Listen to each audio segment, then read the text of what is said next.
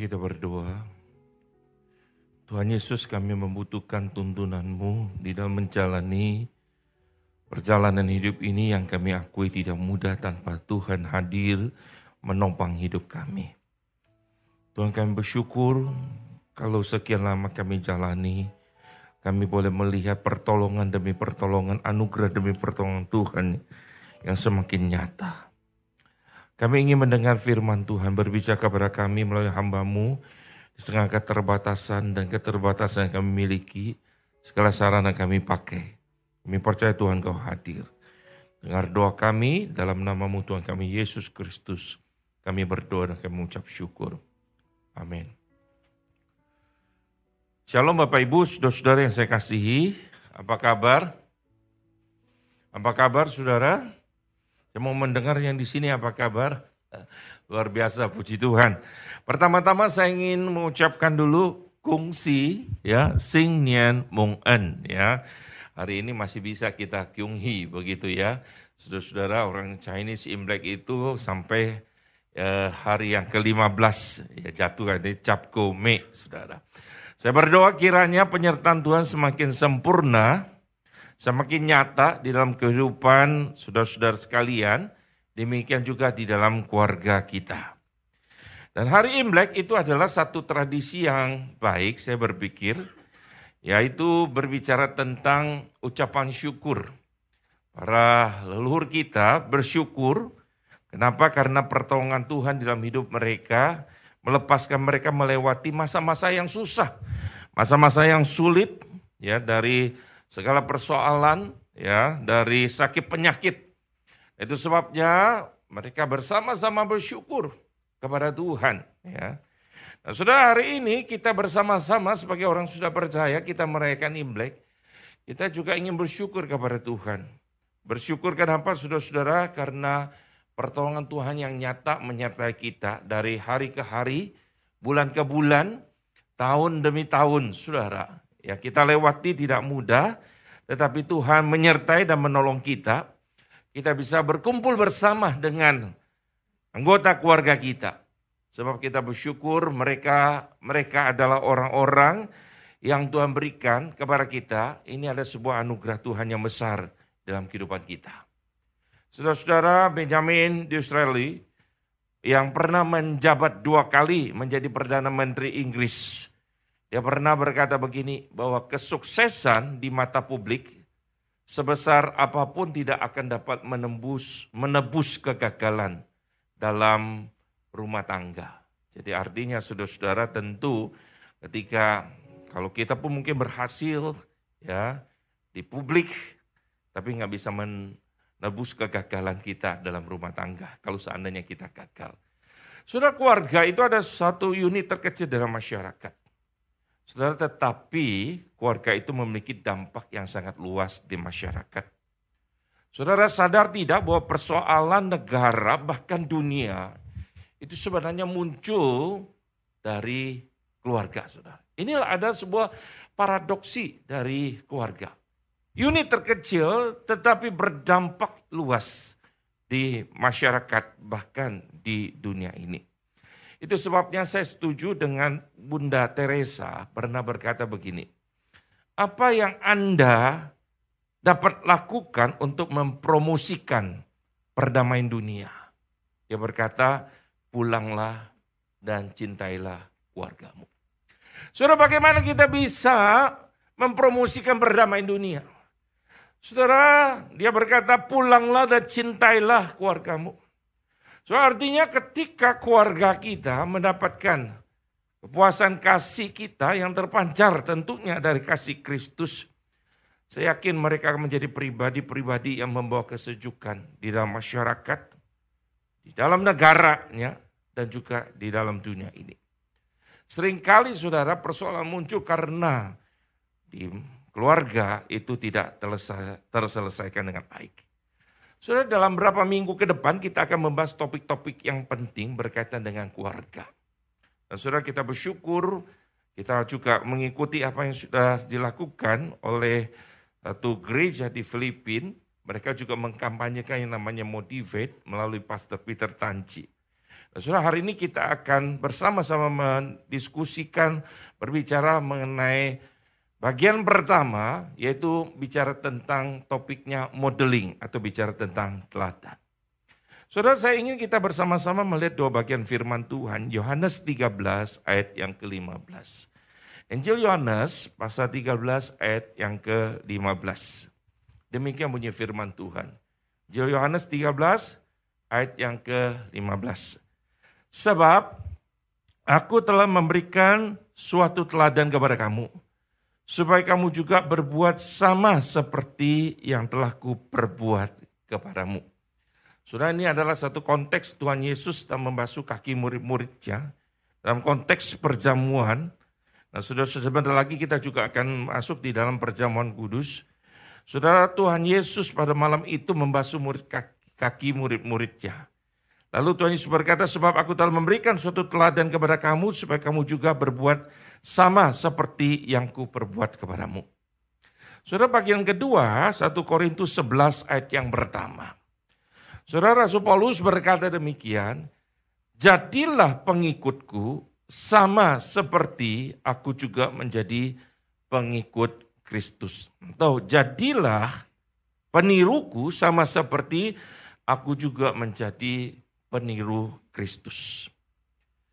Saudara-saudara yang saya kasihi, pada waktu kita bicara tentang modeling atau bicara tentang teladan, apa itu modeling?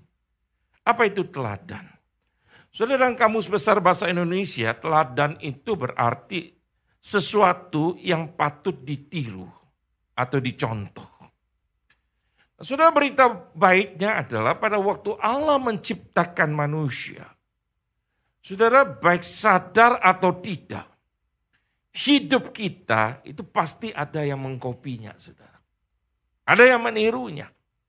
Nah saudara-saudara itu sebabnya maka ada satu kalimat yang sering kali kita dengar, ya sejahat apa pun orang itu pasti ada pengikutnya. Pasti saudara-saudara paling tidak di dalam hidup kita, hidup kita pernah dikopi, pernah ditiru oleh anak-anak kita.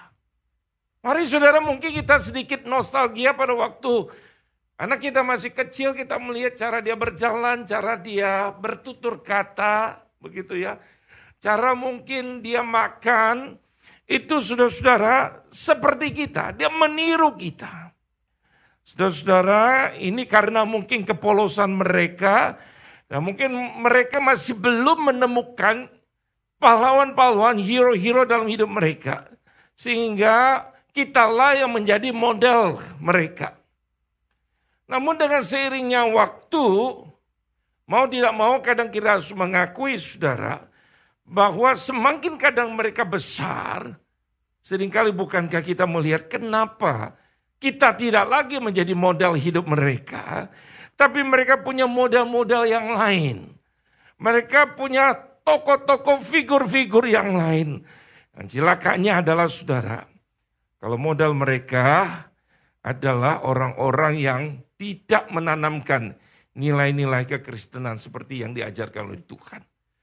Saudara-saudara, maka ini sangat penting ketika kita bicara tentang keluarga. Kenapa kita mulai dengan modeling? Karena sudah-sudah bagaimana tanggung jawab kita untuk bisa membawa orang-orang sekitar kita untuk sungguh-sungguh melalui hidup kita yang meladan Kristus, sehingga mereka pun bisa meneladani Kristus. Saudara-saudara, mari kita belajar tentang firman Tuhan tentang teladan ini. Saudara, ada beberapa poin yang saya ingin sampaikan pada pagi ini. Yang pertama, saudara-saudara, bahwa teladan ini tidak berbicara mengenai usia. Saudara-saudara, menjadi teladan itu tidak ada kaitannya dengan usia. Rasul Paulus ketika dia menulis surat kepada Timotius dalam suratnya 1 Timotius pasal 4 ayat 12, dia berkata begini. Janganlah seorang pun menganggap engkau rendah karena engkau muda. Jadilah teladan bagi orang-orang percaya. Dalam perkataanmu, dalam tingkah lakumu, dalam kasihmu, dalam kesetiaanmu, dan dalam kesucianmu. Jadi saudara kita bisa melihat di sini menjadi teladan dikatakan tidak ada kaitan dengan usia. Seberapapun usia kita, kita bisa menjadi teladan bagi orang lain. Paulus mengingatkan kepada Timotius, janganlah seorang pun menganggap engkau rendah karena engkau muda. Tapi engkau bisa menjadi teladan bagi mereka. Dalam perkataanmu, dalam tinggal lakumu, dalam kasihmu, dalam kesetiaanmu, dalam kesucianmu. Sudah bukankah ada orang-orang yang masih muda tapi kita melihat hidup mereka itu menjadi satu contoh yang juga memberkati kita. Saya seorang pendeta seorang yang melayani ber 25 tahun di GKBJ ini. Saya diberi kesempatan berjumpa ada anak-anak Tuhan yang masih muda. Bahkan usia ada yang di bawah 30 tahun. Tapi memberikan teladan bagaimana hidup mereka setia kepada Tuhan. Melayani Tuhan. Bahkan setia komitmen tidak memberikan perpuluhan kepada Tuhan. Saudara-saudara yang saya kasihi, kegagalan ahli Taurat dan orang Farisi itu bukan dalam hal pemahaman teologi. Tetapi dalam masalah teladan hidup. Itu sebabnya Yesus Kristus berkata dalam Matius pasal 23 ayat yang ketiga. Dikatakan turutilah dan lakukanlah, perhatikan, segala sesuatu yang mereka, yaitu ahli Taurat dan Farisi, ajarkan kepadamu. Tapi janganlah kamu turuti perbuatan-perbuatan mereka. Kenapa? Karena mereka mengajarkannya, tetapi tidak melakukannya. Mereka tidak mempraktekkannya. Sehingga mereka tidak menjadi model, saudara. Ini penting sekali. Di dalam Alkitab ada sebuah kisah tentang seorang gadis budak. So namanya kita tidak pernah tahu sampai sekarang karena Alkitab tidak menyebutkan siapa namanya. Dan itu tidak penting, yang jelas hidup gadis budak ini itu telah menjadi teladan luar biasa bagi tuan dan nyonyanya. Saudaraku tuan dan nyonyanya ini bukan orang yang sebangsa dengannya. Mereka adalah panglima tentara Aram yang menaklukkan bangsanya. Yang membawanya jauh dari negerinya. Dan membuat dia berpisah mungkin dengan orang tuanya. Dan menjadikan dia sebagai budak di dalam rumahnya. Saudara-saudara ketika tuannya yang notabene adalah panglima perang bangsa Aram itu sakit kusta. Saudara-saudara yang memberitakan kepada sang nyonyanya bahwa di Israel ada seorang nabi yang bisa menyembuhkannya. So pertanyaannya adalah demikian. Kok bisa nyonyanya percaya bahkan tuannya yang notabene adalah panglima perang bangsa Aram percaya kepada gadis budak seperti dia. Saudara saya yakin karena mereka melihat integritas, mereka melihat teladan hidup dari gadis budak ini. Yang tentunya paling tidak bisa meyakinkan sang tuan dan nyonyanya saudara. Saudara-saudara, teladan itu jelas nggak berkaitan dengan usia. Jadi anak-anak muda yang hari ini yang kau ibadah, saudara jangan berkata, saya kan masih bau kencur, saya masih baru, saya nggak bisa jadi teladan. Siapa bilang saudara? Hidupmu ketika hidup seperti Kristus hidup. Hidupmu bisa menjadi teladan contoh. Sudah yang kedua. Sudah teladan itu hasil dari kesungguhan hati mencintai Kristus. Sekali lagi. Teladan itu hasil dari kesungguhan hati mencintai Kristus. Saudara-saudara, anak-anak kita masih kecil Maaf, mungkin kita bisa bohongi. Tapi ketika mereka mulai besar, atau paling tidak saudara, kita nggak bisa lama-lama mereka tahu saudara, mereka tidak bisa kita bohongi. Kita sungguh-sungguh mencintai Tuhan. Atau kita pura-pura mencintai Kristus. Sudah untuk sesaat jemaat bisa terkecoh akan kesalahan kita, kesalahan kita. Namun saudara, Nanti mereka juga akan tahu kita tulus dah.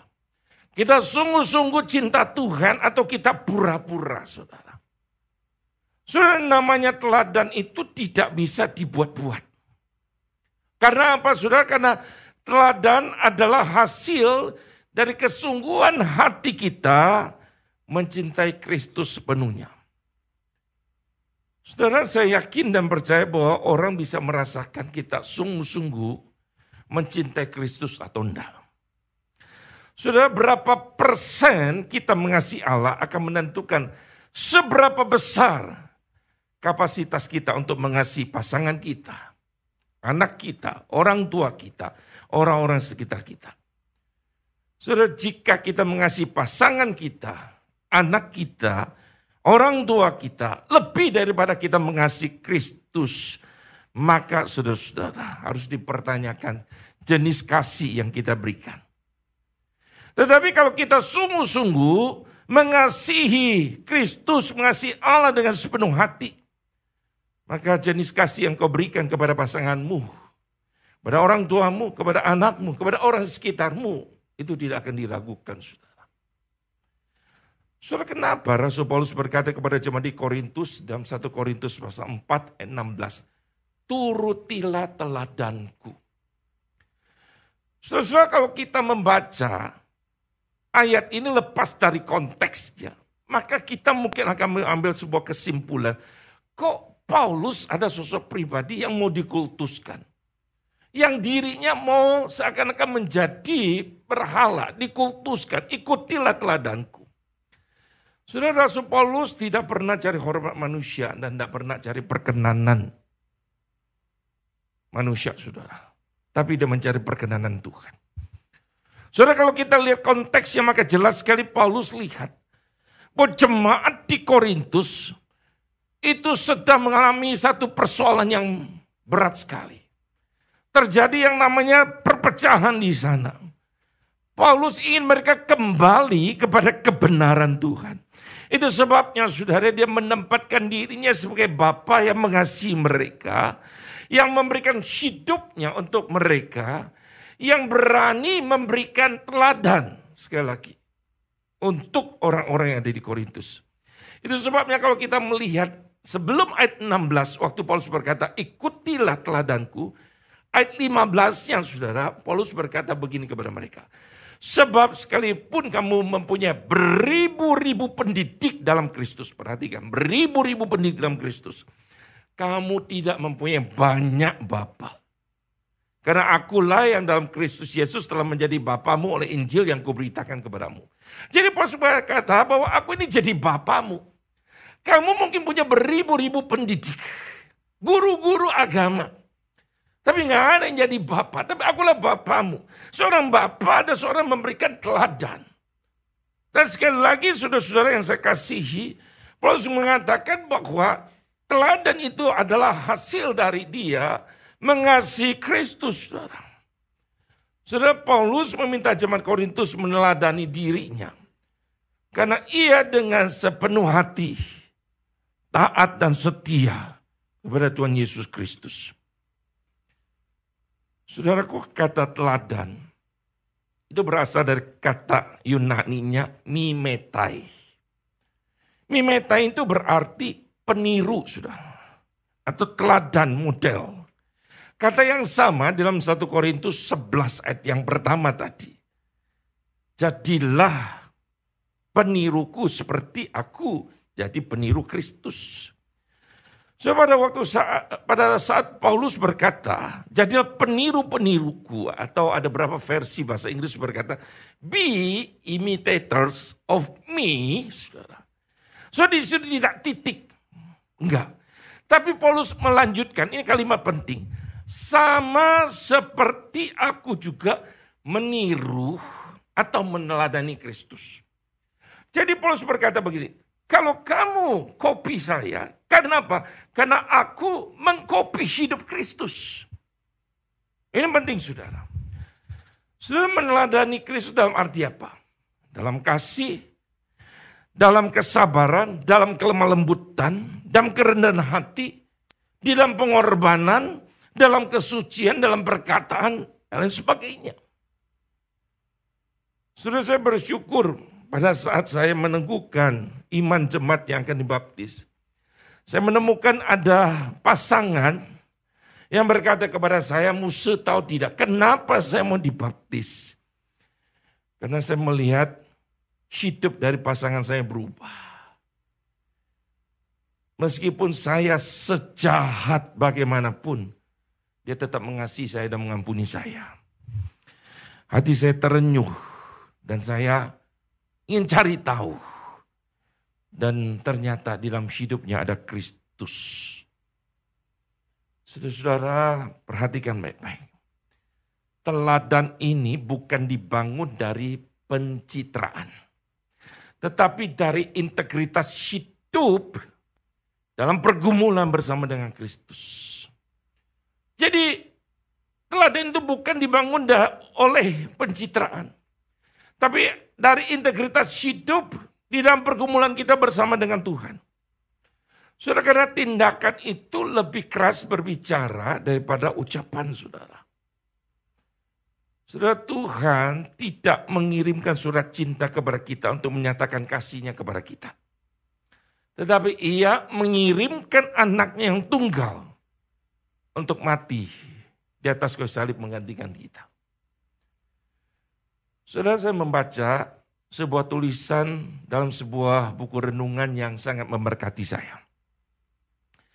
Dan buku renungan itu mengisahkan tentang sebuah kisah nyata tentang seorang guru Kristen yang mengajar di Jepang. Saat guru ini melamar di sekolah tersebut, sekolah itu meminta dia untuk tidak boleh berbicara satu kata pun tentang kekristenan. Saudara, guru tersebut akhirnya menyanggupi dan membuktikan bahwa selama ia mengajar tidak pernah dia berbicara satu kata pun tentang kekristenan. Namun saudara, pada waktu dia mengajar, pada waktu berinteraksi dengan murid-muridnya.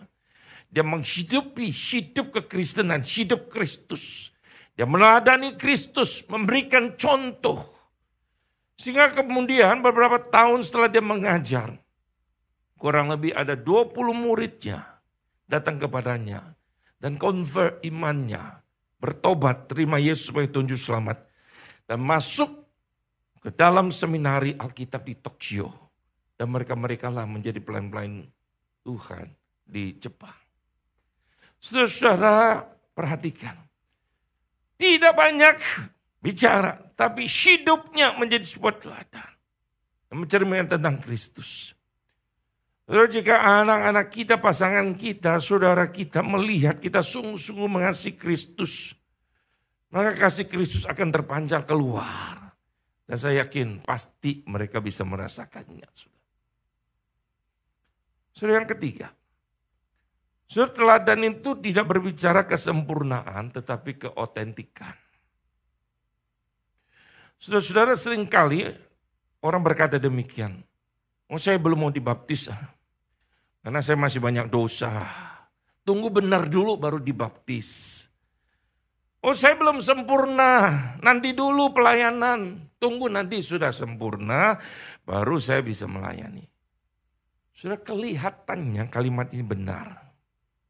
Kelihatannya ini cukup rendah hati. Namun sesungguhnya saya mau katakan sudah ini tidak benar. Dan ini mengandung satu kesombongan karena saudara kita tidak pernah bisa percaya dan melayani Tuhan kalau bukan karena kasih karunia Tuhan. Perhatikan. Saudara kalau Tuhan pakai prinsip ini, maka kita tidak pernah bisa diselamatkan. Karena sudah kita tidak pernah bisa menjadi orang benar. Karena kita orang berdosa dan kita dibenarkan bukan karena kita sudah menjadi benar sehingga kita diselamatkan. Kita dibenarkan. Yang tidak benar dibenarkan.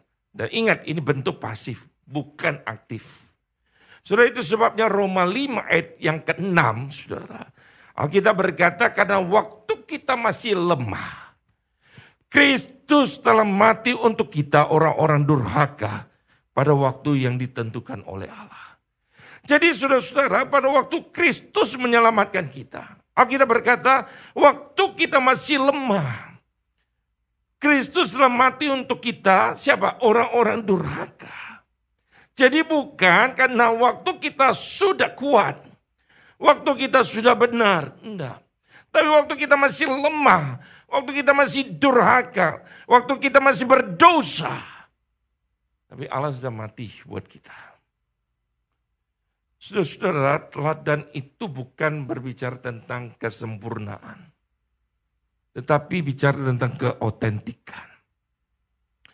Teladan adalah menjadi yang sebenarnya, saudara. Bukan sesuatu yang dibuat-buat. Saudara, anak-anak kita, pasangan kita, orang tua kita, orang yang sekitar kita, mereka punya sense. Bisa merasakan apakah kita sudah menjadi yang sebenarnya. Atau kita menjadi orang yang pura-pura, orang yang munafik. Saudara, apakah kita menjadi orang yang sama saat kita ada di dalam rumah dan saat kita ada di luar rumah? Kita menjadi satu pribadi sudah bisa ke anak-anak kita, pasangan kita, sesama kita, jemaat kita, bahkan orang yang belum percaya melihat bahwa kita adalah orang yang sama di mana pun kita berada, baik di gereja maupun di luar gereja. Perkataan kita adalah perkataan yang bisa dipegang, janji kita adalah janji yang bisa dipegang, perbuatan kita bisa dipertanggungjawabkan. Saudara-saudara, ketika kita salah, kita berani mengakui dan minta maaf. Kita mau berubah, kita mau dibantu untuk berubah. Orang yang otentik tidak akan menyalahkan orang lain, tidak akan menyalahkan situasi, dia akan menerima dan mengakui kesalahannya. Ia tidak berusaha sudah-sudah merasionalisasikan segala sesuatu, mencari pembenaran. Karena dia tahu bahwa dia bukan orang yang sudah sempurna. Ia sedang menuju proses kesempurnaan. Dia berada dalam satu proses. Tuhan tahu itu dan Tuhan pun memberikan ruang kepada kita untuk bergumul. Kalau demikian mengapa kita harus berbohong dan kita nggak jujur saudara. Itu sebabnya saudara-saudara waktu bicara tentang teladan, itu bicara bukan tentang kesempurnaan, tapi keotentikan. Beranikah kita itu apa adanya kita berani jujur. Hidup kita di hadapan Tuhan. Saudara, saya bicara bukan berarti saya sudah sempurna. Tidak. Saya juga sama. Kita berada dalam perahu yang sama. Saya pernah melakukan hal yang ya sesuai apa yang Tuhan katakan. Waktu saya hampir setiap malam dalam masa-masa berapa tahun ini, Waktu saya sangat penuh sekali. Saudara saya pernah satu kali dalam sebuah pertemuan, karena memang waktu kita ketemu, uh, masih ngobrol-ngobrol gitu ya, sebelum pembinaan itu, sebelum komsel itu mulai. Saya cukup penat, cukup capek. Saudara saya itu nggak begitu suka memang uh, main game, tapi kemudian ada satu game saya mainkan saudara. Sambil nunggu mereka ngobrol saya main game. Dan itu belum mulai memang, masih ngobrol-ngobrol misalnya. Tapi semua saya bilang begini, eh hati-hati anak kamu lihat kamu lagi begini, itu nanti mereka ikutan. Saya masih merasionalisasikan. Memang nggak apa-apa, baru belum mulai saya bilang. Masih apa namanya, ya sudah santai dulu. Saudara tiba-tiba anak saya yang cowok masuk dan dia tertawa. Ya ketahuan papi main game. Kata. Oh saya bilang, enggak begini-gini. Rasional kan saudara. Ini kan kondisi situasi dan ini belum mulai. Saudara-saudara sepanjang itu saya nggak damai. Saya merasa saya tidak jadi orang yang jujur. Saya berusaha membenarkan diri, merasionalisasikan. Setelah itu baru selesai jam 10 lebih saya masuk kamarnya. Dan saya harus mengakui saya salah, minta maaf dan itu tidak benar. Saudara-saudara, sering kali kita berusaha untuk membenarkan diri. Dan orang-orang sekitar kita tahu kok. Kenapa kita nggak berani jujur? Saudara, kitab Mazmur ada kitab yang saya percaya di dalamnya penulisnya adalah orang-orang yang sangat jujur ketika mereka struggle bergumul bersama dengan Tuhan. Mereka ngomong dengan Tuhan, buat apa kemudian kita harus pura-pura? Tuhan aku kuat imannya, aku tetap percaya. Padahal kita juga ragu. Sudah-sudah saya mengajarkan dalam masa pandemi ini ada jemaat yang bilang, enggak saya berani. Saya bilang kalau kamu takut kamu ngomong sama Tuhan lah. Tuhan aku juga takut. Aku juga khawatir. Tapi setiap kali kita khawatir takut. Tuhan bilang datang kepadanya. Dengan apa? Naikkan permohonan dan ucapan syukur. Kepada Tuhan. Kenapa kita harus kemudian berpura-pura Tuhan tahu bukan? Tuhan ingin hidup kita otentik saudara. Saudara yang keempat, bahwa teladan itu dilakukan dengan intensional atau disengaja. Saudara, teladan itu tidak terjadi dalam satu malam. Teladan itu membutuhkan waktu, perjuangan, dan pergumulan. Saudara menjadi teladan adalah sebuah keputusan yang kita buat di dalam kesadaran penuh karena kita mencintai Allah. Saya katakan perjuangan dan pergumulan karena tidak mudah, bukan kita berusaha mempraktekkan firman Tuhan, menjalankan firman Tuhan. Karena memang kedagingan kita dan natur keberdosaan kita. Paulus pun berjuang, bukan dalam Roma pasal ke-7. Maka dia berkata, aku manusia celaka, mau yang baik yang jahat itu muncul. Tapi ada sebuah usaha perjuangan dia.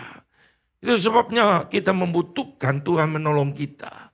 Kita membutuhkan topongan doa dan usaha. Sudah pada waktu Paulus membahas tentang kasih kepada jemaat di Korintus. Saudara, ia tidak berhenti pada definisi kasih, tapi dia mengajak jemaat untuk mengusahakan kasih itu. Dia katakan kejarlah kasih itu. Intensional, dengan sengaja dilakukan, diperjuangkan saudara. Sudah ketika Rasul Paulus mengingatkan jemaat di Efesus, Supaya mereka bijaksana dan menggunakan waktu yang ada. Dan hidup bijaksana sebagai anak-anak terang. Ia, mengingat, ia mengingatkan suami istri untuk menjalankan fungsi mereka sebagaimana yang Allah kehendaki. Saudara yang sangat menarik adalah saat perintah untuk istri, saudara di situ tidak diminta istri kasihilah suamimu enggak, tapi tunduklah suamimu. Pada saat perintah kepada suami diminta untuk mengasihi istri sama seperti mengasihi dirinya sendiri. Kenapa saudara? Karena tidak mudah bagi istri untuk tunduk pada suami. Dan tidak mudah bagi istri untuk mengasihi istrinya sebagaimana dia merawat tubuhnya sendiri. Karena di situ membutuhkan usaha, membutuhkan perjuangan, saudara. Harus terus dilakukan. Intensional, saudara. Saudara itu sebabnya penting sekali waktu kita bicara teladan. Saudara Tuhan taruh di satu keluarga orang-orang yang berbeda karakternya, sifatnya. Tapi Allah ingin kita sudah dengan intensional. Kita mempraktekkan firman Tuhan. Saudara bagaimana engkau memperlakukan istrimu. Bagaimana istri memperlakukan suaminya. Itu akan menentukan Bagaimana anak-anak juga akan memperlakukan orang tua mereka. Saudara kita tidak bisa menyuruh anak-anak kita untuk respect pada otoritas suami kita. Kalau kita nggak pernah respect pada otoritas suami kita. Saudara-saudara kita tidak bisa menyuruh anak-anak kita mengasihi istri kita, mama mereka. Kalau mereka tidak melihat kita itu mengasihi istri kita dengan sungguh-sungguh. Sudah engkau tidak bisa menyuruh anakmu untuk mengasihi Tuhan. Kalau kemudian anak-anak melihat kita belum bisa mengasihi Tuhan. Sudah hari ini justru di dalam masa pandemi. Kita bersyukur. Karena di sinilah kesempatan bagi kita untuk bersama-sama untuk mempraktekkan firman Tuhan.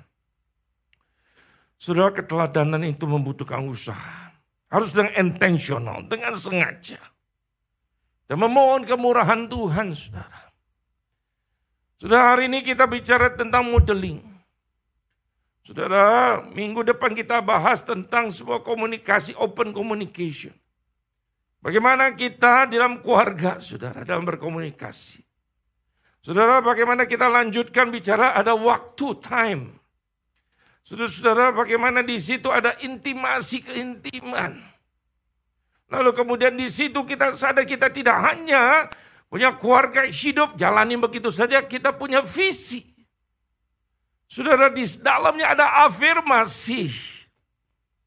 Saudara-saudara, di dalamnya ada teaching, ada training, saudara. Tentu saudara-saudara, ada di dalamnya entrust. Suatu yang dipercayakan, yang diteruskan. Saudara, di dalam berminggu-minggu kita akan bicara tentang ini. Sebelumnya para pemimpin kita juga ada komsel-komsel seperti ini. Saya rindu saudara. Mari kita jadikan keluarga kita sebagai praktek firman Tuhan. Saudara, bagaimana kita menjadi model terlebih dahulu keluarga kita. Nanti kemudian bagaimana kita melakukan firman Tuhan. Sungguh-sungguh saudara-saudara, kita mau terbuka, ada komunikasi yang jujur saudara. Kita menjadi pribadi yang otentik. So, maka kita akan mulai dengan modeling. Nanti kita akan lanjutkan sesi-sesi berikutnya. Saya berdoa saudara-saudara kita mulai belajar praktek. Saudara bisa praktek bersama-sama dengan beberapa orang percaya. Dalam komunitas kita terbangun di dalam komunitas untuk belajar firman Tuhan. Membahas tentang motivate ini bersama-sama. Saya rindu agar kita menjadi berkat, menjadi teladan. Ingatlah saudara-saudara, ada beberapa hal yang saya sampaikan. Yang pertama saudara-saudara, bahwa teladan itu saudara-saudara berbicara bukan mengenai usia. Jadi teladan tidak ada kaitan dengan usia. Saudara bisa jadi teladan. Saudara teladan itu adalah hasil dari kesungguhan hati kita mencintai Tuhan. Teladan itu tidak bicara sempurna tapi keotentikan. Dan saudara yang berikutnya saudara bahwa teladan itu dilakukan dengan intensional. So, saya berdoa kiranya Tuhan memberkati kita. Selamat praktek. Dan sepanjang minggu ini Tuhan menolong kita. Khususnya dalam memasuki juga dalam masa persiapan prapaskah ini saudara. Kita mengenang kebaikan Tuhan. Hidup Tuhan sudah menjadi teladan bagi kita semua. Mari kita berdoa.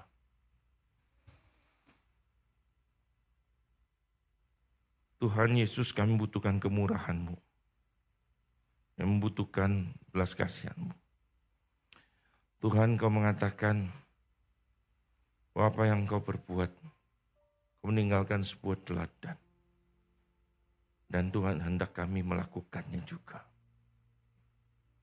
Kami mohon kiranya Tuhan bantu kami. Sebentar lagi kami masuk dalam perjamuan kudus. Tuhan tolong kami. Terima kasih Bapak dengar doa kami. Dalam nama Tuhan Yesus kami berdoa dan bersyukur. Amin.